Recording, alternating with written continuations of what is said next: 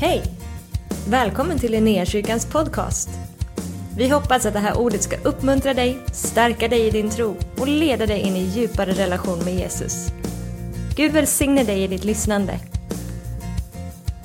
Oh. Hörde, du döptes i november någon gång va? Ja, det stämmer bra det. Nej, det var början på december var det. Eh, jag är född i slutet på 70-talet. Mamma och pappa är poliser. Så jag vet hur man ska leva ett fromt liv, även om inte jag har gjort det.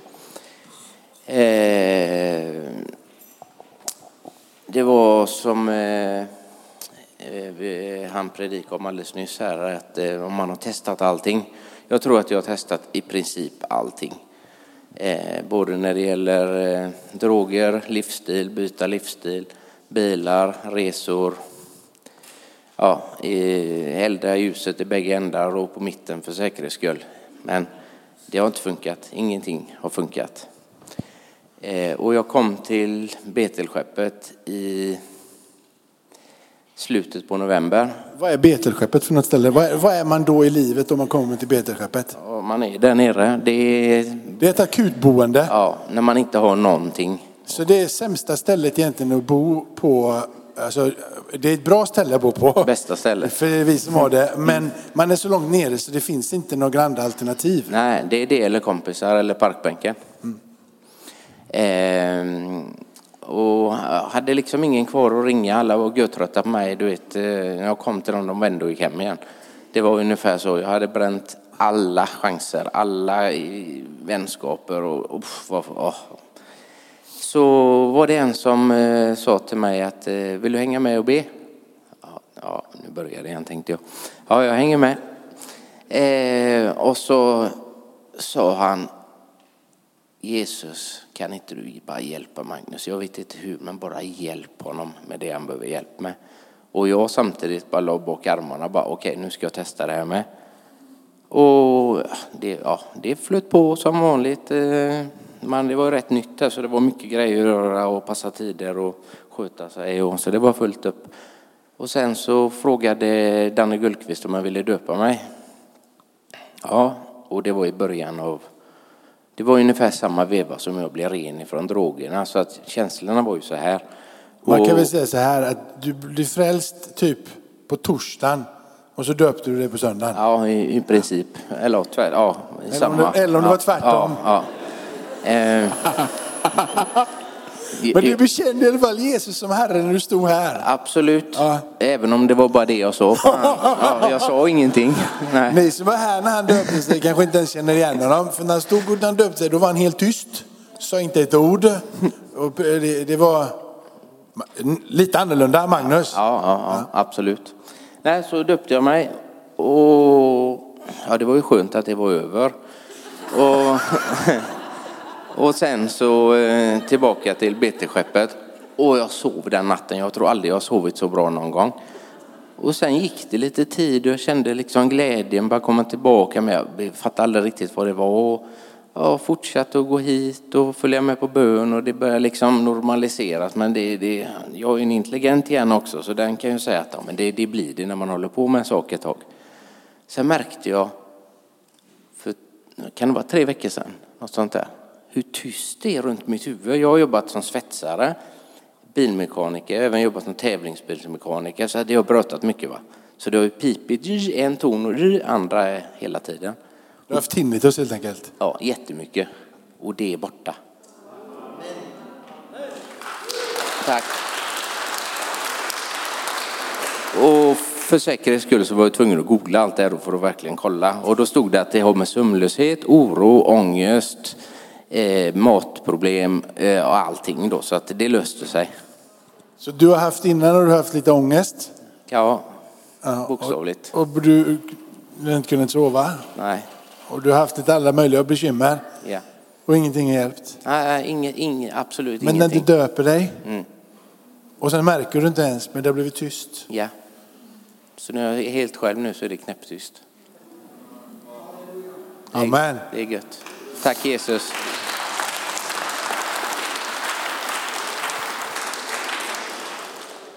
Var du svettig? Det var inte så, var inte så farligt. Du gjorde det väldigt bra Magnus. Jag tog den på uppstuds om ni undrar. Vi, ehm, jag hörde det för någon vecka sedan eller om det var i veckan eller vad det nu än var. Bara kände att men det här, när du började komma in på helande här så att det är fantastiskt när det händer mitt i församlingen. Hörrni, det här låter inte så stort för er från början men, men det här blev till, du vet när du förlorar någonting, när du tappar någonting så är inte det speciellt eh, liksom Alltså det kan vara en ganska meningslös grej som du tappar. Men om du tappar den och den just då är tillräckligt viktig så kan du inte sluta tänka på någonting annat än att vilja hitta den. Och för mig var det en mutter för någon dag sedan här. Det låter, det låter, det finns det hundra muttrar, muttrar men, den, men, den, men den muttern jag behövde, den var just då det enda som tog upp min, liksom, eh, sådär, för jag behövde den här. Eh, för att jag skulle kunna fortsätta göra det som jag höll på med så är det, det är omöjligt att tänka. Och det spelar ingen roll att jag hade andra muttrar, för de hade inte den storleken som jag behövde. Liksom. Så det var, det var liksom en evig frustration. Och någonstans där så vet jag, har ni säkert varit med om det här att man tappar bort en bilnyckel och det enda man liksom kan inte tänka på någonting annat än den där bilnyckeln. Det spelar ingen roll att du har två andra bilar och de har du nycklarna till. För det, det spelar ingen roll att du har de nycklarna, du behöver just den nyckeln. Och jag vet att det, flera av er vet att det finns berättelser i Bibeln om saker och ting som, som kommer bort. Och det är får och det är mynt bland annat, sådär vad som kommer bort. Och det finns en text i Matteus. Låt mig få vara den som får bli inledningen på den här predikan. Från Matteus kapitel 18. Eh, kapitel 18 i Matteus.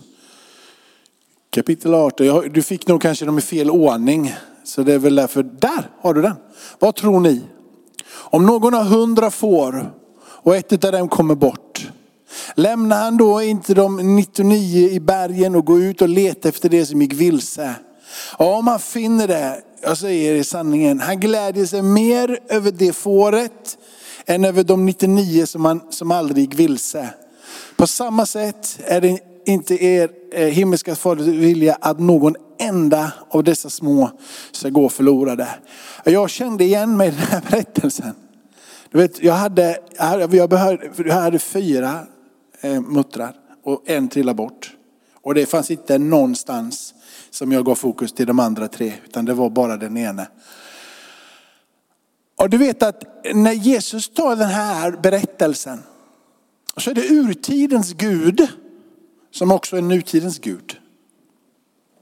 Som eh, lämnar himmelen och blir det som vi läser ifrån Johannes. Ska vi läsa den där så ska jag predika ut lite här. Vi tar Johannes kapitel 1.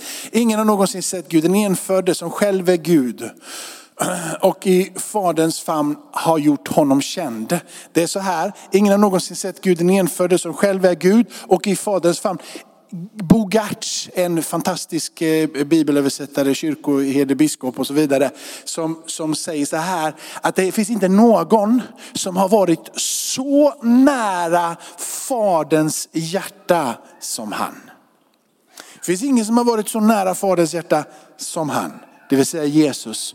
Och han som har varit närmare faderns hjärta än någon annan, han är det som har gjort honom känd.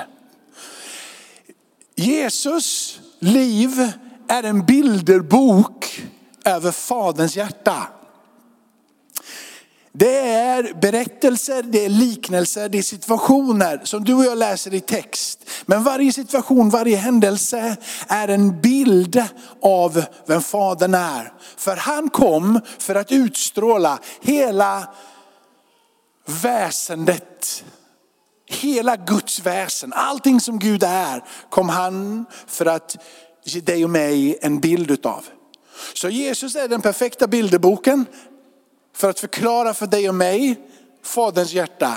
Han som har varit närmare Faderns hjärta än någon annan.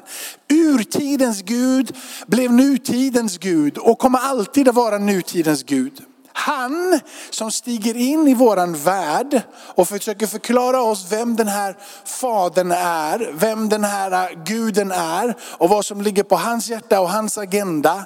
När han stiger in i våran tid och i vårat rum så är han här och han är nu. Han lämnade sin gudagestalt och antog en människas gestalt för att just komma för dig till dig och till mig för att förmedla det här. När han har den här liknelsen om de här 99 som är där och en som har försvunnit. Så säger Jesus egentligen, Sån här är faderns hjärta. Sån här är han. Så stort hjärta har han. Och så mycket kärlek finns det i honom. Att han inte vill någonting annat än att du ska förstå det här. Den här liknelsen handlar först och främst inte om att vinna världen. Den här liknelsen och alla andra liknelser handlar först och främst för att tala om för dig och mig vem Gud är. Bibelns Gud är den guden som vill, kan gå eller göra allt för att fånga din uppmärksamhet. Bibelns Gud är den guden som skulle gå till yttersta gränsen för att fånga dig. Och Bibelns Gud är den guden som när han har fångat dig gör allt för att leda dig och bevara dig. Bibelns Gud är den guden som när han har fångat dig och tagit dig hem vill låta dig få bli omfamnad och insatt i hans rike. Är också den som ger dig allting du, du behöver för att ta dig vidare på den resa som är längre fram. Varje berättelse, varje situation, varje undervisning, allting som finns av helande under och tecken är en utandning utav Gud själv för att förklara för dig och mig vad som finns på Faderns insida. Det är inte först och främst en utmaning för dig att gå ut och fånga det där fåret som är bortsprunget. Det är en insikt att läsa texterna och säga, det är ju jag som är fåret. Innan du kommer till den platsen så har du inte läst texten ordentligt. Och Gud har ännu inte öppnat ögonen för dig. När du läser texten och texten handlar om dig och hur du ska förstå vem fadern är. Då har texten blivit levande. Då finns det någonting i den där texten som är verkligt, som är sant, som är äkta och som är till dig för att du ska förstå vem fadern är och komma in i det livet som han har för dig. Han, faderns hjärta, den gode heden, är han som vill vinna hela världen. Och när han har vunnit världen så vill han bevara det han har vunnit i sin famn. Och när han har vunnit det så vill han fostra det och han vill hjälpa det att komma ut i allting som var tänkt.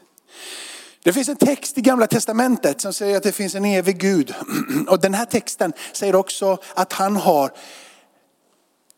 långa armar skulle man kunna säga. Han har så långa armar så de sträcker sig ner och kan ta vara på det som är hans. Han har så långa armar så han kan ta hand om alla. Det är från femte Mosebok. Den här texten att det finns två armar är för mig en sån vacker bild över hur fadern har sonen och hur han har den helige ande och hur han tar sonen och den helige ande och tar till eh, dig och mig och, och, och på något sätt tar oss upp i sin famn. Han sänder sonen och sonen på något sätt tar hand om möjligheten för Gud att fullt ut få upp dig i famnen. Den här armen som sträcker ut sig för att vara Jesus, är han som inte bara kom för att berätta om vem Gud är, men att också dö och betala ett pris för dig att du skulle kunna bli frälst. Frälst blir man bara om man tror på Jesus. Det finns liksom ingen meditativ väg annat än att prata med Jesus och säga Jesus kom in i mitt liv. Så Jesus kom mer än bara berätta för oss vem fadern var. Han kom för att friköpa dig och mig från alla makter som vill hindra dig att förstå vem han är. Och alla makter som kan förstöra för dig i denna tid och i den eviga tiden. Han kom för att köpa dig fri ifrån allting som skulle kunna förstöra. Så Jesus kom för att berätta berättelserna, för att tala om för dig och mig vem fadern var, men också för att dö och förlösa dig ifrån allting det som vill hålla dig borta från det som är kunskapen om vem Gud är. Det är Jesus högra hand om jag får säga så då. Hans vänstra hand är det som utgjuts utifrån det som får vara den heliga ande. Hur den heliga ande kommer in i ditt liv och han är med dig. Han är på din insida och han för dig djupare och djupare in i relationen. Gud är den guden som vill ta upp dig i famnen. Och när han har dig i famnen så vill han fostra dig och ta hand om dig. Och när han har det här i famnen och har gett dig vad du behöver så låter han dig gå iväg på en resa och så är han hela tiden ständigt vakande över dig för att ta hand om dig på det som ligger framför. Han är med dig. Från det perspektivet skulle vi kunna läsa från Johannes evangeliet kapitel 10 om den gode heden. Jag säger sanningen. Den som inte går in i follan genom porten utan tar sig in från ett annat håll, han är tjuv och en rövare. Men den som går igenom porten är fårens herde. För honom öppnar portvakten och så står det första, insikten, det är att de fåren, de lyssnar till hans röst. Fåren som har förstått vem den gode herden är, de lyssnar till hans röst. Det är som om att innan han talar om för dig att han känner dig vid namn, så har du gensvarat på det som du har upplevt och det som du har sett. Han är en god herde. Han är en god far. Han tar dig i sin famn och du säger, här mår jag bra, jag vill lyssna in. De är mina får, han vill ta hand om dem. Men du och jag har börjat att lyssna på vad det är han säger. Vi har nu blivit ett med honom som det står senare i texterna bland annat. Men du, och han kallar på sina får. Så fåren de lyssnar och så börjar han kalla på sina får. Kom, kom. Och han nämner dem vid namn. Jag vet inte om du var här för några söndagar sedan, men då predikade jag bland annat om när Jesus då har uppstått ifrån de döda. Förra söndagen måste det vara. Eh, påskens vittnen, när, när, han möter, när trädgårdsmästaren som är Jesus möter Maria. Och Jesus säger Maria. När ordet Maria kommer ut som är hennes namn så känner hon sig både sedd och kallad och hon vet, han vet mitt namn. Det finns en igenkänningsfaktor där som var och en säkert har upplevt någon gång. Du har suttit i ett klassrum, du har börjat ettan och det är första gången de ska ropa upp ditt namn. Första gången som de vänta, vänta, vänta, vänta, vänta, så säger de, är Jakob Orlenius här? Ja, det är jag. Det är jag. Jag är någon, bland de här 30 stycken så säger de mitt namn och jag bara, det är jag. Jag är sedd, jag är bekräftad. De vet vem jag är och jag är inte bara anonym. Jag är här på riktigt.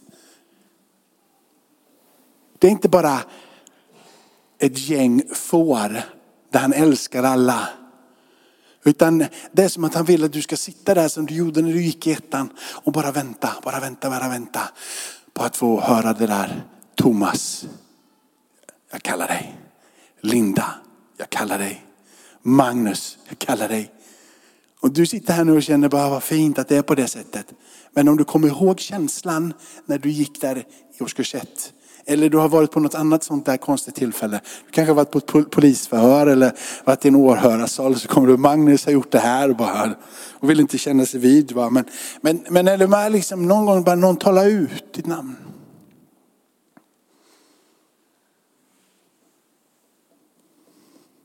Du vet, det är ett av de fåren som har sprungit bort i Matteus 18.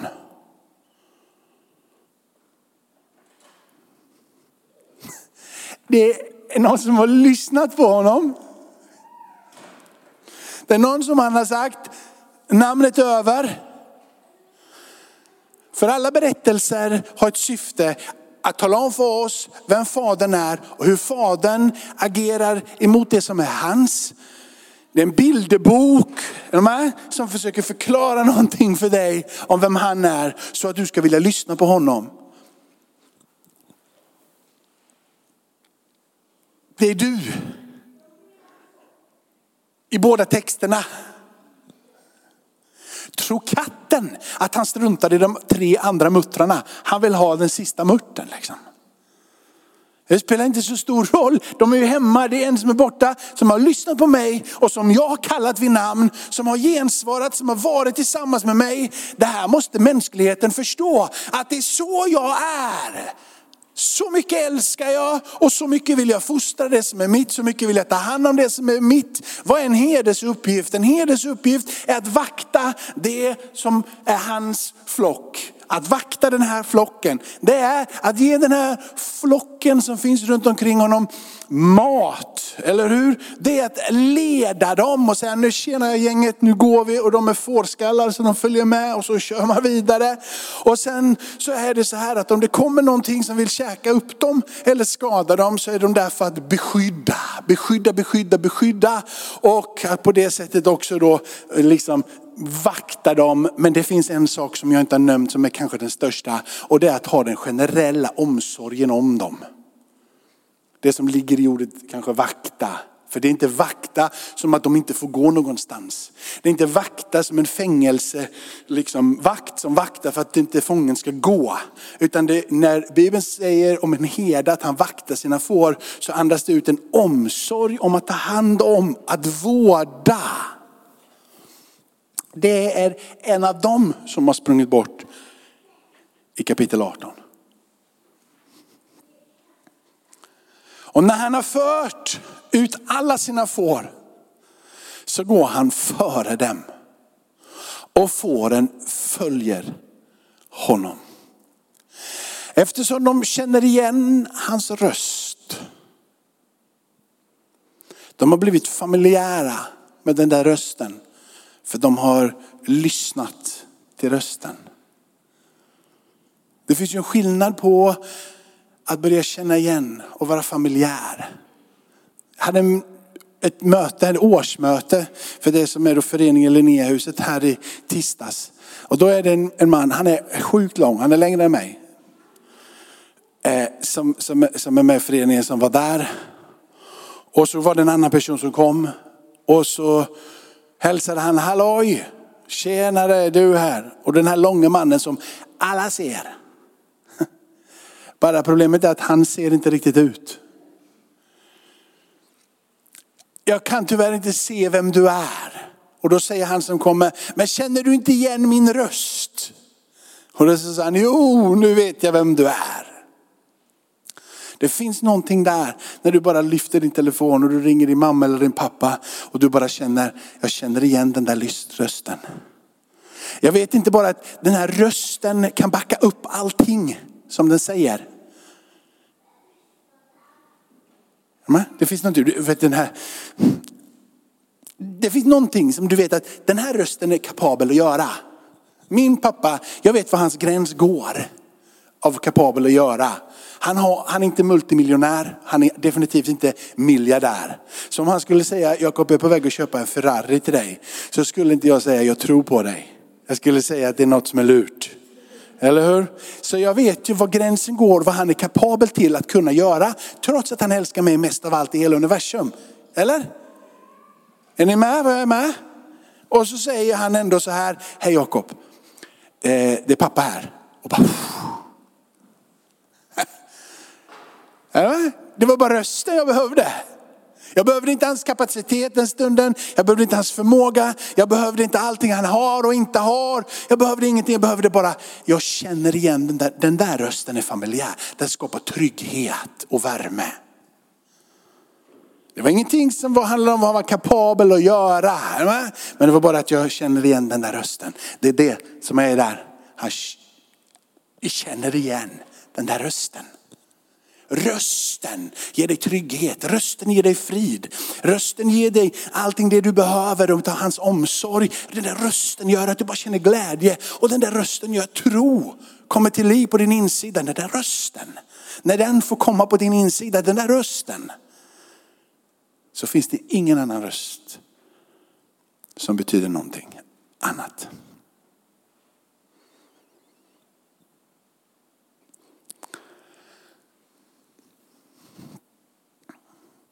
Och så fattar de ändå inte detta.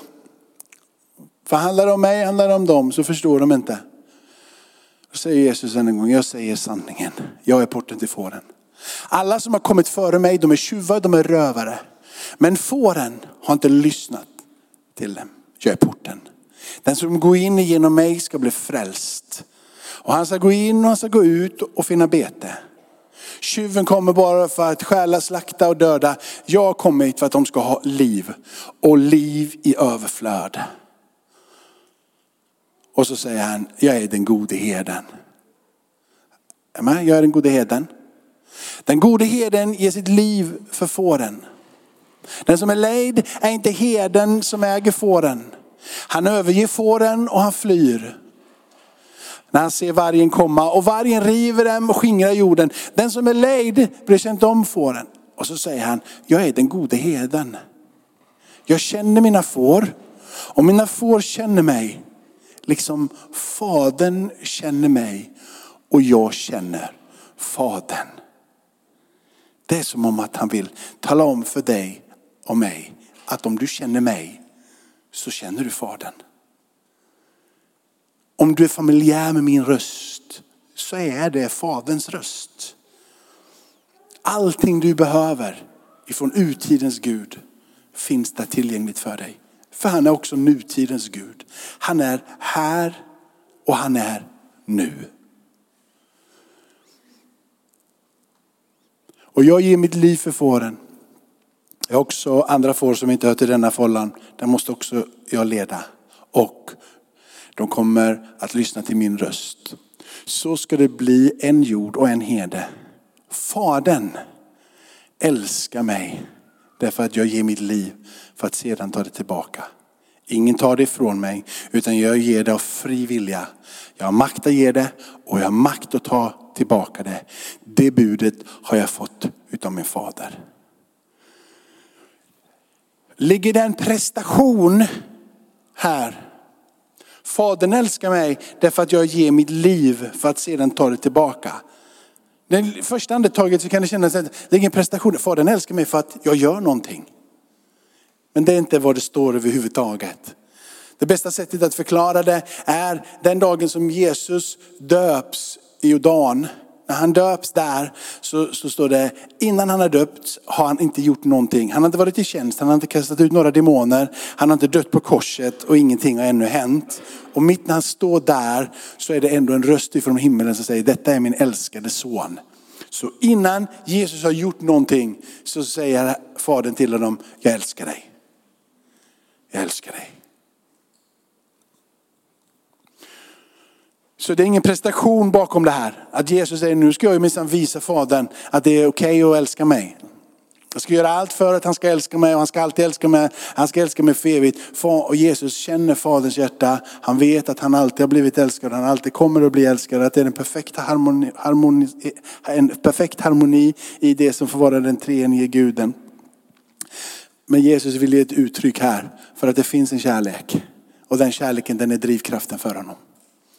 Den kärleken är drivkraften. Och han talar ut auktoritet här. Att när han dör på korset så är det inte för att den onde har makten att döda honom. Utan han tillåter den onde att döda honom. Den onde har inte makten över dig om du är i Jesu namn. Utan det finns befrielse för att Jesus har segrat över döden. Och den budet har han fått av Fadern. Att han har makten att ge det och han har makten att ta det tillbaka. Det ligger över dig och mig i hans namn. Ingenting kan krossa dig, ingenting kan söndra dig. Det enda han vill är att du ska förstå att du är den där fårskallen som behöver honom. Kan vi be tillsammans? Tackar dig Fader i himmelen att vi får vara i ditt ord på det här sättet Herre. Jag har en bibeltext till, jag kom på det nu här när jag står här. Jesus, du får vänta en sekund, vi ska be ditt namn snart. Men den här måste jag ju ta med. Det är så dumt när jag inte kollar på de här. Jag måste lära mig att titta på mina utkast. Men glömde jag det, så förlåt mig. Men när tiden var inne så sände Gud sin son, född av en kvinna ställd under lagen. För att friköpa den som står under lagen så att vi skulle få söners rätt. Jag vill bara att den som läser det här får med sig det, här, för det här är rätt viktigt. Han Eh, han sände Gud sin son, född av en kvinna, ställd under lagen. Vad innebär det att vara ställd under, under lagen? Det innebär att han ställer sig under det som får vara förutsättningarna för att bevisa sin rättfärdighet. Men han bevis, skulle inte bevisa sin rättfärdighet inför Fadern. Men han skulle bevisa sin rättfärdighet, den där lagen som ingen kan, ingen kan, ingen kan Ingen kan göra lagen, alla kommer misslyckas. Han blir ställd under lagen. Genom att han blir ställd under lagen så satte han sig under alla människors samma möjlighet och samma förutsättningar och samma liksom, möjlighet att misslyckas. Han satte sig under samma begränsningar som alla andra. Problemet var bara att den där lagen som kunde peka på synd, kunde inte peka på någon synd i hans liv. Så han ställde sig under lagen för att friköpa alla de som stod under lagen. Det vill säga dig och mig. Vi som inte kan bevisa att eh, liksom, eh, är oss rättfärdiga genom lagen. Vi kan inte, vi kommer aldrig kunna, vi har aldrig kunnat. Det finns inte någon som kan göra det. Utan vi kan inte. Men alla de som stod under lagen, det vill säga stod på den platsen där man kunde förtjäna sin rättfärdighet. Ingen finns som kan förtjäna sin rättfärdighet. Alla är dömda att misslyckas och alla kommer misslyckas. Men han ställde sig under lagen. Han uppfyllde hela lagen. Han besegrade på så sätt det som får vara den onde. För den onde hade inte längre någonting att klandra honom för. Och då säger han, där har ni tagit mig som son nu, Jesus, ni har blivit söner med mig döttrar med mig. Den positionen som jag har, den har nu ni fått. Och för att ni ska förstå vad det är som ropar på mitt innersta, vad som finns i Jesu hjärta, så skriver Paulus så här i det här brevet, att ni ska fatta det här, att det som finns inne på Jesu hjärta är att ropa Abba fader. Och han vill att ni ska veta att det är sådant rop han vill ska få ljuda på din insida. Han är en god far och han älskar dig. Tackar dig Fader i himmelen för att vi får komma till dig genom din son Herre och att din, din längtan här att vi ska förstå att vi är dina barn, att vi är dina får, att vi är i din famn, att vi tillhör dig. Och vi är så evigt tacksamma Jesus för den vandring du gjorde som hjälper oss att greppa och förstå Faderns hjärta, Faderns omsorg om hur Fadern hela tiden är där. Och vi tackar dig för att du kunde besegra, liksom, du ställde dig under lagen och så besegrade du den onde och därifrån har vi fått söners rätt tillsammans med dig. Och vi längtar så efter att det där ljudet av Abba Fader på våran insida skulle få ljuda ännu högre. Jag ber Herre för den som är här idag och säger, jag vet min faders kapacitet. Jag vet att han har all makt i himlen och på jorden. Men inte ännu känner rösten. Inte ännu kan liksom säga, Fader känn mig. Fadern kallar på mig. Fadern säger mitt namn. Att det där skulle få gå djupt idag en uppenbarelse, inte liksom intellektets förståelse av att jag har stått här och sagt det, utan att din heliga ande, din ande får verka i det här rummet över mina vänner, i mina vänner och öppna deras inre så att de kan få höra, känna, förstå din röst och hur stor du är och hur mycket du älskar var och en utav oss. Tack för att du har varit med oss. Hoppas du känner dig inspirerad av Guds ord och har fått nya perspektiv. Hör gärna av dig till oss och berätta om Gud har rört vid dig på något sätt. Vi är så glada att få höra vittnesbörd om vad Gud gör. Du kan mejla oss på adressen info och dit kan du även mejla om du har ett böneämne som du önskar att vi ber för. Eller om du har tagit emot Jesus och inte har någon bibel så vill vi mer än gärna skicka en bibel till dig. Skicka ett mejl med ditt namn och dina adressuppgifter till info så ser vi till att du får en. Om du vill ge en gåva till Linnéakyrkans arbete för att nå fler människor med evangelium så kan du swisha till 123 520 0993. Du kan också besöka oss på linneakyrkan.se för att få mer information. Välkommen tillbaka att lyssna snart igen.